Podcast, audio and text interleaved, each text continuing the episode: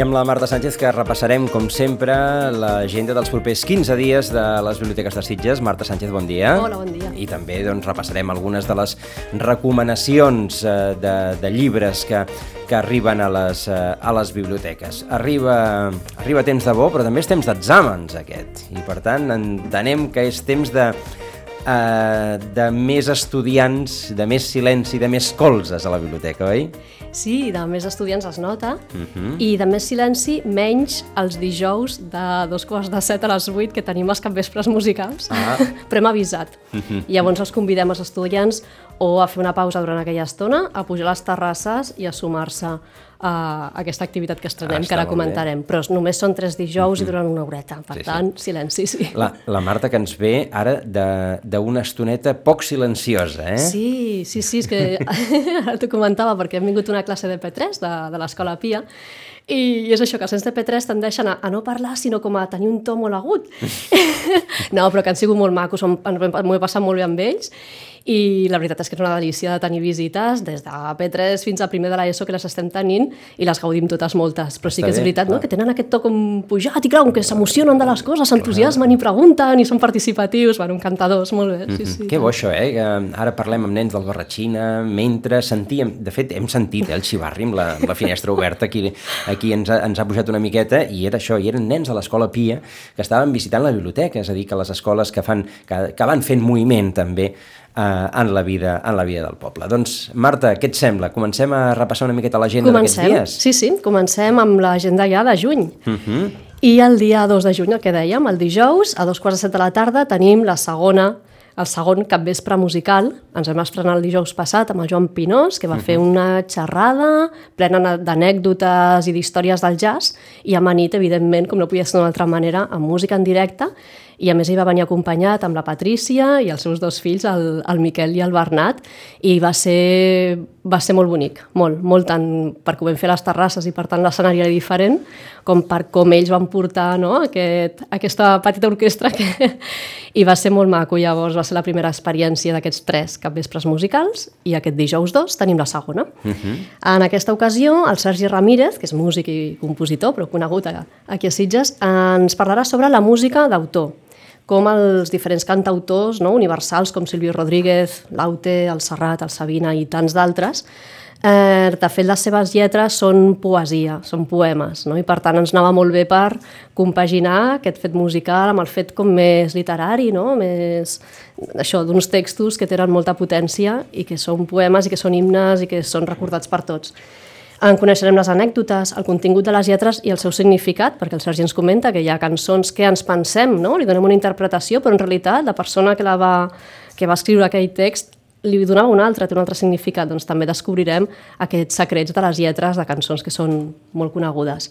Gaudirem doncs, de l'actuació d'aquest músic i compositor sitgetà amb molts anys d'escenari i de directe a les terrasses de la biblioteca, en un ambient doncs, bé, més recollit, diferent, no? amb tenir-lo tan a prop, es crea una màgia molt maca. I amb el Sergi doncs, segur que és com amb el Joan Pinós, que, que també es produirà això. D'acord, doncs eh, aquesta... És el primer any, oi, que es fa eh, als capvespres Sí, musicals? sí, sí, sí, O sigui, que és sí. una experiència absolutament Sí, nova. exacte. Sí, bé, de fet aquest any volíem fer també una programació de- d'actes, no? Com molt transversal amb altres arts. I per això ens hem sumat amb el Dia de la Dansa i vam tenir ho hem comentat, estets de dansa, no res, de 3 minuts, però a la primera planta, mentre això hi havia gent estudiant o treballant, doncs pam, venien a, a fer una estoneta de dansa. Ara amb la música, uh -huh. uh, doncs amb el cinema fantàstic també tindrem coses de cinema, també relacionat potser també amb, amb això, no? bueno, amb el cinema, uh, pel Dia de l'Artista també tenim coses en ment, per tant relacionar no? tot el que al final tot és, És a tot dir, és art i tot està relacionat. La biblioteca és una llar del llibre, però també és una llar de la cultura. I, per tant, la cultura entesa com altres arts que també eh, puguin venir, puguin veure's i desenvolupar-se a, les, a les biblioteques. A més a més, eh, per això de la música heu triat uns dies, escolta, aquesta, sí, sí, aquest un estiuet avançat que ens ha agafat. Doncs sí, esperem que sí. O sigui que- I ja perquè, clar, que de, tota, de tots aquests arts també hi ha llibres. Hi ha llibres sobre jazz, hi ha llibres sobre música, hi ha llibres sobre uh, pintura, hi ha llibres sobre dibuix, sobre dansa, en fi, que tot, tot té relació. Doncs eh, el, els capvespres eh, musicals, eh, la primera proposta aquest dijous. Què més? Exacte. El divendres 3 en tenim dues de propostes, una a cada biblioteca. A la Biblioteca Josep Roig i Reventós, l'hora del conte habitual dels divendres, a dos quarts de sis, i la Montse Panero explicarà La buscadora de tresors. La Lola, la Lola vol ser buscadora de tresors, i un dia li cau a les mans un mapa d'un indret llunyà on diu que hi ha un d'amagat, un tresor amagat. Ella no té brúixola, que li assenyali el nord ni, ni, ni per on començar, però decidida de trobar-lo emprendrà aquest camí desconegut que travessa, la terra de la mandra, la gresca i la por per fer realitat el seu somni d'arribar a aquest tresor. Aquesta història convida els infants a familiaritzar-se amb la incertesa, a transitar amb obstacles pel camí, a confiar en la intuïció de cadascú. És la brúixola no, que duem a dins i és aquest al final l'autèntic tresor. És una hora del conte recomanada a partir de 3 anys uh -huh. i en aquest, aquest dia, a més a més, és especial perquè en acabar aquesta hora del conte hi haurà l'entrega de diplomes als superlectors i superlectores de la Marató de lectura, de la 22a Marató de Lectura, i del, també del sisè Puja al tren, que s'ha estat fent, doncs, ho hem anat dient durant tot el curs, i a la Marató de Lectura durant el mes de maig.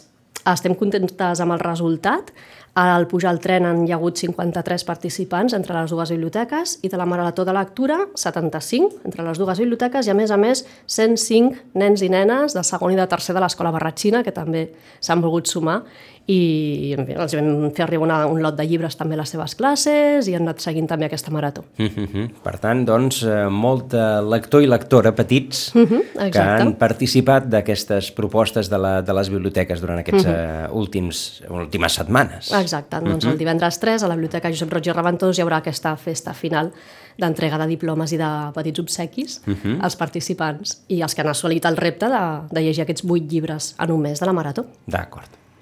Què més? I el divendres 3 també, a, la, a dos quarts de set, a la Biblioteca Santiago Rossinyol, a Sitges Solidari ens va demanar poder organitzar una, una xerrada col·loqui i sempre tenen les portes obertes, per tant, aquest divendres 3 parlarem sobre canvi climàtic, l'hora d'actuar, uh mhm. -huh. i són tres xerrades diferents, tres, tres aportacions diferents.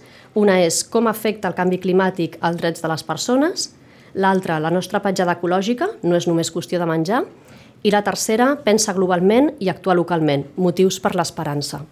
Aquestes tres xerrades, cadascuna d'elles, aniran a càrrec de Joan Parra, de Joan Pere Guzmán i de l'Andreu Bosch, i a partir d'aquí doncs, també la idea és que amb el públic, amb els assistents, doncs, hi hagi no, aquest cert debat de què està a les nostres mans i què es pot fer i tot això amb motiu del Dia Mundial del Medi Ambient, que és el dia 5 de juny, que era també les recomanacions que he portat, uh mhm. -huh. també van per aquest camí, i a les biblioteques també hem fet una mostra, no? això de treure llibres de la prestatgeria i posar-les doncs, de manera destacada sobre aquest tema que, que també és urgent. D'acord. El canvi climàtic, per tant, en una xerrada a la, a la biblioteca. Uh mhm. -huh. El dimecres 8, a dos quarts de 6 de la tarda, a la Biblioteca Josep Roig i Reventós, al Bibliotaller, Pastís per enemics. El Bibliotaller també és una iniciativa que, pròpia de la Biblioteca Roig i Reventós, que va començar abans de la pandèmia, però es va veure interromput, i durant aquest curs s'ha reprès, i la veritat és que també doncs, és una proposta que és molt maca, que va fer en el seu públic habitual, i en aquesta ocasió, aquest pastís per enemics, com sempre, és una proposta lúdica que inclou la narració d'un conte sobre uh -huh. aquest tema, una xerrada sobre aquest conte, una petita xerrada sobre aquest conte explicant, no? per treure-li el suc i donar-li doncs, tot un, un embolcall, i al final doncs, un taller per crear una manualitat sorpresa relacionada amb aquesta història. Està enfocat per nens i nenes a partir de 6 anys i té com a objectiu doncs, això, treure l'artista, que portem tots dins i més ells, i alhora potenciar la biblioteca com a espai de descoberta, de lectura, de creació, de, de que un conte a dintre no, doncs passen moltes coses i entre tots les podem comentar. D'acord. Cal inscripció prèvia, com dèiem, uh -huh. a la mhm. mateixa biblioteca Josep Roig i Reventós o per correu electrònic o per telèfon. D'acord. Doncs aquesta és una altra de les propostes eh, de, la, de la biblioteca, en aquest cas la Roig i Reventós. Uh mhm. -huh. El dijous 9 de juny, a dos quarts de set, a la Biblioteca Santiago Rossinyol, tindrem la tercera, el tercer i últim capvespre musical. I en aquesta ocasió el tema és l'orquestració en el cinema, film, score. I anirà a càrrec d'Oriol Nebleza, que és intèrpret, que és compositor i arranjador, uh mhm. -huh. sitjatà també, i podrien dir moltes més coses que és l'Oriol Nebleza, per tant esperem una xerrada també amb aquest toc seu tan personal, no? d'humor i, i de proximitat que, que té ell. Eh, L'Oriol ens ha dit que hi va haver un temps en què era normal que hi hagués un compositor per la música aquesta, no? incidental, o aquestes músiques de fons de les pel·lícules, uh mhm. -huh. un autor per les cançons, un adaptador, un lletrista, un director musical, per tant, les bandes sonores de les pel·lícules tenen molts professionals al darrere, molta feina, i bona part a vegades de l'èxit d'una pel·lícula ve per aquí, no? per la música. Sentim uh -huh. una música i pam, això és de tal pel·lícula, no? Uh, I mostra això la complexitat d'una partitura d'aquest tipus. Uh, L'Oriol ens parla de tot això, de la importància de les bandes sonores, de com creen aquell clímax, no? quan hi ha una part de dir, ai, aquí m'he de fixar, o la, o la part més emotiva, no? aquesta que ens fa caure la llàgrima, en fi, de com juga la música de les pel·lícules, bandes sonores, uh -huh. com conjuga amb tot l'argument i amb tot el que els actors i actrius donen. No? I serà això el dijous dia 9. El dia 9, per tant, el tercer i darrer d'aquests capvespres musicals Mhm. d'aquesta nova experiència. Exacte, sí, que junten De- això, una xerrada mm. explicativa amb música en directe. Mhm. El divendres 10 de juny tenim una doble jornada, perquè serà matí i tarda, també a la Biblioteca Santiago Rossinyol, és el Festival Subur Negre. És una jornada sobre novel·la negra, organitzada per Josep Bacaro que és, i Ruiz, que és eh, autor, escriptor de, de novel·la negra i també és advocat i arquitecte, ha presentat diferents llibres a la biblioteca, i juntament amb un col·lectiu de, de persones i d'escriptors, de, d'escriptors, d'autors, d'editorials, de professionals de la cultura i comissaris dels principals festivals de novel·la negra de Catalunya han volgut eh, crear aquest festival, no? que està també que és tot un seguit de ponències sobre el gènere, i per tant començarem a les 10 amb la benvinguda i la presentació de tot el que vindrà després, i després hi haurà durant tot el dia quatre xerrades que també portaran un col·loqui posterior i els títols d'aquestes quatre xerrades són la novel·la negra com a expressió del nostre temps i la nostra societat, la creació literària i la seva difusió, davant i darrere de les bambolines, la tercera, escriptors de plànol i de brúixola, i la última, realitat i ficció de la novel·la negra. Uh -huh. Hi haurà al matí doncs, de 10 a 2, més o menys, i a la tarda de 3 quarts de 5 fins a 2 quarts de 9, doncs aquest seguit de, de xerrades sobre la novel·la negra. Que hi ha una gran afició. Molta, sí. Molta, molta, molta. Sí. I, i, I diria els últims anys i després la trilogia de Larson i tot això encara, eh, encara va créixer més, no? Sí, sí, sí. No? Hi ha aquest, aquests autors que fan tot de sèries uh -huh. i, de fet, és, bueno, és un gènere que, clar, que té molta història al darrere i que no para de, de créixer Sí, ni sí, de tenir Agatha lectors, Christie ni ja de... ho era, novel·la Exacte. negra, Sí, sí, sí. que- No, no, uh -huh. és, I a més, que clar, hi ha com subgèneres dintre de no és la mateixa novel·la negra que la novel·la policíaca, no? hi ha matisos, en fi, tot un món, tot un món. I entre les persones que faran aquestes xerrades tenim a l'Angelic aviam, eh, Fitzner, que és la comissària del Festival Literari Lloret Negre, important, el Xavier Borrell Campos, que és també comissari del Festival Cubelles Noir, el Ramon Valls, del Festival Bellvei Negre, i altres autors i autores com José Luis Muñoz, Pere Cardona, Xaro González, en fi, uh -huh. molts experts, per tant, també serà uh, molt enriquidor i segur que, bueno, que, que ens donen ganes no? de, de llegir moltíssim d'aquest gènere, per qui no el conegui i perquè el conegui, doncs, anar rascant també. Doncs eh, cal inscripció per participar? Aquí sí que cal inscripció, uh -huh. també, i el mateix, a la biblioteca Josep Roger, perdó, Santiago Rossinyol, uh -huh. presencialment, per telèfon o per correu electrònic. I si es fa la Roger Rabantos també, ens passaran les dades, uh -huh. cap problema. D'acord. Però Festival de Novel·la Negra, quin dia era? És el divendres dia 10 de juny. Divendres 10 Matí i tarda. No cal apuntar-se totes, les pot triar, doncs jo vull la primera, la segona, totes, només matí, només tarda, en fi, amb totes les combinacions possibles, cadascú doncs, a la seva mida i al seu gust. Eh, interessant també aquesta, aquesta proposta, en aquest cas a la, a la Santiago Rossinyol. El, estem fent ja el, el cicle d'escriure de cinema, també era una de les propostes noves que hem iniciat.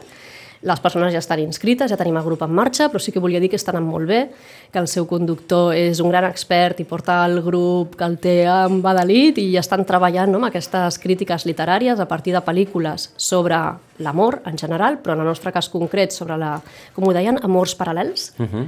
que seria una altra manera de parlar d'infidelitats, en tot cas uh -huh. amors paral·lels, i està sent molt, molt interessant. Ens agradaria molt tenir continuïtat també amb aquest projecte. Són quatre sessions, se n'han fet dues, ahir va ser la segona. Farem la pausa del dilluns proper, que és festa, i seguirem els altres dos dilluns de, de juny, el 13 i el 20 de juny. Però és un grup tancat, però sí que m'agradava doncs, explicar que, que està anant molt bé, que està sent molt interessant i que el resultat d'aquest curs, d'aquest taller per fer una crítica cinematogràfica, el podem trobar després a la biblioteca virtual, perquè les crítiques que facin els participants sortiran publicades a la web de les biblioteques. D'acord. Exposicions. Acabem de treure la de dansa, Uh -huh. que ha sigut un èxit també, perquè més hi havia llibres a les vitrines d'entrada, hi havia llibres, hi havia tratges de ballarina, hi havia sabates de claquer, hi havia castanyoles, hi havia tota una sèrie d'objectes que li donaven molta vida a les vitrines. I ara han canviat pel Corpus, que és la propera festa que toca i que disfrutarem. I eh, la proposta es diu El corpus a través del grafisme contemporani. A la biblioteca es guarden cartells de les festes de tot el cicle festiu, des de, des de, clar, des de molts anys, uh -huh. i hem volgut rescatar aquests cartells, no? que al final d'això són una mostra d'aquest grafisme de com es feien s'han fet no? els cartells a, a través del, dels anys i en aquest cas centrats en la festa de Corpus, també amb llibres i altres documents que tenim a la biblioteca. És això una exposició d'una selecció de cartells i programes de la festivitat de Corpus que està declarada Festa d'Interès Artístic Nacional i Festa d'Interès Turístic Nacional. Des dels anys 50 als nostres dies i estan agrupades per disciplines artístiques i contemporànies. D'acord. I voldríem agrair també la, la col·laboració amb aquesta exposició del Joan Olivella uh -huh. i el Francesc Parra i, en fi, doncs, tot un, una sèrie de persones que toquen molt no? tota aquesta part gràfica i també de col·lecció local de la biblioteca. D'acord. Per tant, eh, Sitges ja respira corpus i la biblioteca no serà menys. No. Què més? Ah, aquí tenim el passaport de lectura. Això és una proposta que, bueno, als estius anem traient i com que encara ens queden passaports, doncs els tornem a treure. Vale. El passaport de lectura és un petit llibret en format uh -huh. de passaport, així marron, i aquí a la, en aquesta coberta tenim el Genius i la Valentina, que són dos personatges que els nens i nenes que són habituals a les biblioteques coneixen bé, i és una proposta per donar continuïtat a la lectura durant l'estiu, quan ja no hi ha escoles, quan tot es relaxa, però també tenim més temps, quan ja no hi ha la marató de lectura, però encara anem amb l'empenta no? de, dels nens i nenes que han participat durant el mes de maig.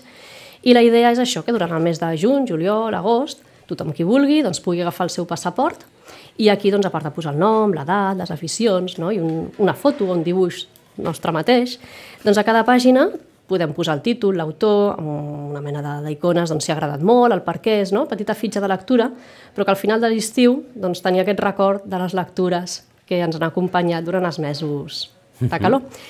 Uh, la proposta, evidentment, és per nens i nenes, de qualsevol edat, però ho hem volgut fer també extensiu als adults, per què no? Perquè al final és això, no? s'acaba l'estiu i veure si hem pogut llegir sis llibres o més. Quan s'acaba un passaport podem venir a buscar mm. un altre. La idea és que al final de cada llibre llegit a eh, venir a la biblioteca, una de les dues, us posem una enganxina, no? com el segell d'aquest passaport, i l'objectiu és completar-ne els sis els 6 o els 12 o els... en fi, anar sumant i no ens quedaríem això amb nens i nenes, sinó que és una proposta oberta a tothom, que tothom que li vingui de gust, doncs que vingui li donem el seu passaport de lectura i a completar aquestes 6 com a mínim llibres durant l'estiu. Per tant, eh, proposta eh, per continuar llegint en acabar les maratons de lectura i en acabar tot això, però hi ha ara l'opció aquesta de continuar diguem, eh, automotivant-se amb l'existència d'aquest eh, passaport de lectura que ofereixen les biblioteques. Exacte.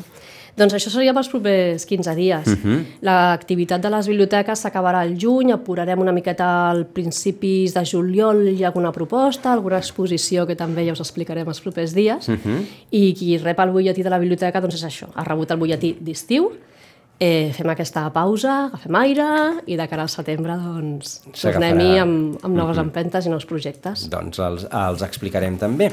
I a partir d'aquí, les propostes. Les propostes. N'he agafat tres. A veure. Avui hi ha una de ficció, bueno, per totes les edats. És un, conte, és un àlbum il·lustrat per nens i nenes, però mira, començarem per aquest. Va. És un llibre de molt gran format, és un llibre gran, primet, però... Enorme, però gran. sí, sí. Uh -huh. Es diu El bosc dels germans. És d'una autora japonesa que es diu Yukiko Noritake, d'una gran sensibilitat, la, la idea d'aquest llibre és que té molt, molt, molta il·lustració, tot ho gran que és, ocupa unes il·lustracions enormes, però a, fa, a baix de tota la pàgina hi ha una frase curtíssima que va fent el fil conductor i s'entén la història sense llegir aquestes frases, però sí que li donen un, un toc. Uh, són dos germans que hereten un bosc, cadascú un bosc, el primer s'instal·la i gaudeix d'aquest espai tal com és, però el segon vol crear-hi el seu projecte somiat.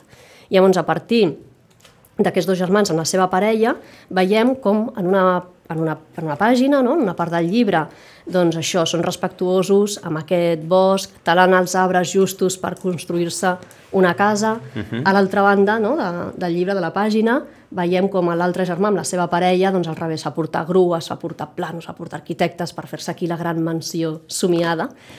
I així, des de la casa, no? que és, doncs, bueno, admiren el seu petits resultats, segueixen envoltats de natura, segueixen acostant-s'hi animals, els altres, en canvi, doncs, qui s'acosta són amics, coneguts, que també volen aprofitar-se d'aquests espais, fan una piscina uns eh, s'apropen a l'aigua, els altres apropen l'aigua, és un mateix diferent. Per tant, al final del llibre la imatge és força colpidora i sense penes text no, ens adonem de com les persones doncs, també això, no? ens aprofitem d'una manera o d'una altra molt diferent de la natura, d'allò que ens envolta i podem ser respectuosos o no tant. És, està molt bé, està molt ben... Està molt bé. Sí, sí. L'he entès de lluny. Sí, eh? perquè és tan gran que es veu de lluny. és un llibre doncs, molt per mirar en conjunt, no? amb les famílies, amb els nens, perquè és que és, és que s'entén perfectament i a partir d'aquí doncs, bueno, que sigui també un motiu de reflexió, De de, consciència. que, de consciència de què estem fent. És un àlbum il·lustrat, d'aquests que en realitat és, com diem, per totes les edats, per regalar, per compartir, en fi, per gaudir-la i, i pensar-hi. Dos germans. Es diu El bosc dels germans. El bosc dels el bosc germans. dels germans. Uh -huh. Uh -huh. Els altres dos, un, mira, seguim amb el bosc, es titula El bosc no hi ha silenci, uh -huh. és de Madel Ziege, i aquí ens ho explica molt bé a la, a la contracoberta. Diu, si algú pensa que el bosc regna el silenci és perquè no hi ha parat mai a l'orella. Els animals i les plantes es comuniquen constantment de les maneres més diverses. Sabíeu que els fongs paren trampes? O que els peixos menteixen? Els humans no som els únics que tendim a exagerar i a dir mentides. Però com ho fan? Qui intercanvia d'informació amb qui i per què? Les plantes, per exemple, hi senten i veuen els fongs? Doncs una biòloga, l'autora d'aquest llibre, contesta aquestes i altres curiositats uh -huh. i ens fa veure que, encara que hi hagi un aparent silenci, al bosc, a la natura, hi ha vida i que fins i tot les plantes, no, que ens dona la sensació que bueno, doncs allà estan i no fan res, doncs tenen una... En fi, es comuniquen en certa manera uh -huh. entre elles i, i bé, doncs és un llibre això, no? de, de moltes curiositats i també doncs, per estimar una miqueta més i entendre tot allò que ens envolta. D'acord, és, un, és un llibre de text aquest, Sí, eh? sí, sí, O sigui, sí, és... totalment. Sí, sí, no, Sí. no és un llibre il·lustrat, però sí que Mhm. hi ha moltes curiositats per les persones que tinguin interès de saber com funcionen els boscos. Mhm. Al bosc no hi ha silenci. Exacte. I l'altre és un llibre molt pràctic, es diu Lletra petita, està escrit per Jordi Vigues, amb pròleg de la Lídia Heredia, i diu Lletra petita, tot el que podeu estalviar per tenir una bona, una bona vida. És un llibre molt pràctic i ens explica què podem fer en el nostre dia a dia, des de casa, per minimitzar doncs això, no? tota la despesa de recursos i, de, i tota la, la contaminació i, i les deixalles i tot allò que produïm i que potser no seria, bueno, potser no, segur que no seria necessari al 100%, i com cada petit gest, cada petita millora, cada petit canvi, els petits canvis són poderosos, que deia el Capitán Capitán Siam. Siam, oi? M'ha vingut a dir ostres, dic el Capitán Siam. Tenim una edat ja, Joan. Sí, no cal que ho diguis. Doncs bé, per capítols podem entendre això, no? els que es diuen les factures de la, de la llum, del gas, com podem estalviar en aquest sentit, com tenir un ús molt més racional de l'aigua, calenta i freda, de pintures, de la neteja de la roba, de la nostra cura personal, de la pell, de tots els productes cosmètics, en fi, tot això que, que de fet sabem, no? però que de vegades ens dona la sensació que, uf, total, per que jo faci tampoc no, no vindrà d'aquí. Doncs sí que ve. I aquest llibre està ple de bons consells, fàcils de fer, que poden doncs, minimitzar i ajudar a, a aquest, al medi ambient, que celebrem uh -huh. el seu dia el 5 de juny. Doncs un bon moment per començar a prendre mesures dintre de la nostra mida És, i les nostres possibilitats. és com un manual. Lletra petita. Uh -huh, Lletra exacte. petita amb tot de consells eh, sobre com podem doncs, eh, estalviar en el, en el nostre dia a dia per tal de, de fer menys feixuga la nostra factura eh, ambiental, per dir-ho d'aquesta manera. Tot això, tot plegat, totes les tres propostes que, que ens ha portat avui la Marta coincidint amb eh, la celebració el dia 5 de juny del Dia Mundial del Medi, del Medi Ambient. Les biblioteques exacte. sempre s'afegeixen allò, allò que ens envolta, oi? Sí, I ara en sí. plena crisi, emergència climàtica, que ja ho era abans de la pandèmia i, i ara hi ha hagut una pandèmia, una guerra i continua l'emergència, la crisi continuen les mateixes que abans de la pandèmia i la guerra, oi? Doncs estem en aquest, eh, en aquest punt, mirant de- d'establir consciència també. Exacte, sí, Mhm. sí. I més amb llibres d'autors reconeguts i, en fi, que són... Aquest mateix de lletra petita no són simplement consells, sinó que ens explica moltes coses que dius, ostres, doncs això no, no tenia ni idea, no? Les etiquetes de la roba, el que mengem... En fi, està ple d'informació, a part de consells. Informació molt, molt, molt pràctica, molt del dia a dia. Mhm. Van, van sortint llibres, llibres d'aquest tipus, llibres que, que, que tenen un, gairebé el punt de, de, de manual, no, no diré d'autoajuda, perquè també tenen mala fama els autoajudes, oi? Però eh, eh, aquest, tipus, aquest tipus específic, que ja no és una novel·la, que no és un, no és un còmic, no, ja, també, també va tenint, va tenint demanda, van, va tenint sortida? Van donant sortida, sobretot quan els exposem, mm -hmm. perquè potser no és un llibre que algú digui vaig a la biblioteca a buscar un llibre aquest... que m'expliqui, mm -hmm. però si està ja exposat, és, només de fullejar-los que t'entra pels ulls, no? i molts d'aquests és el que passa, que els tenim els expositors o fem això una exposició no? fora de prestatge, i sí que surten, van sortint. Ah, realment els llibres de ciències així divulgatius no és la cosa que surt uh -huh. més del món, però és que són molt interessants. Vull dir que no, no hem de ser grans experts en una matèria, sinó que al revés, no? que, que al final...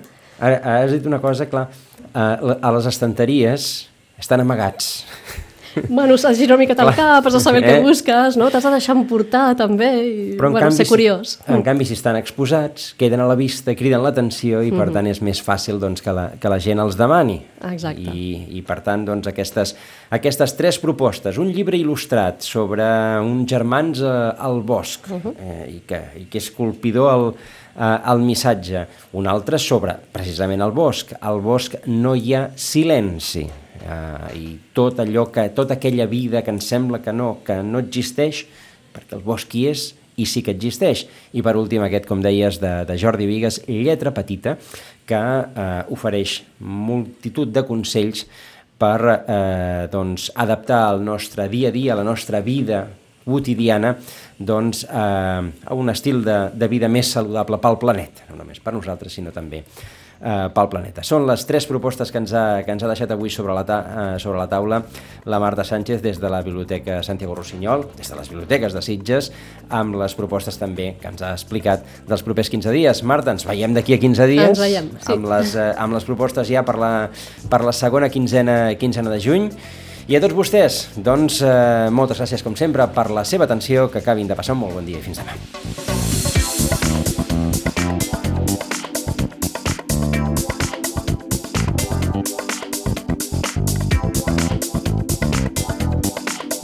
Ràdio Maricel, cada dia, al matí amb nosaltres.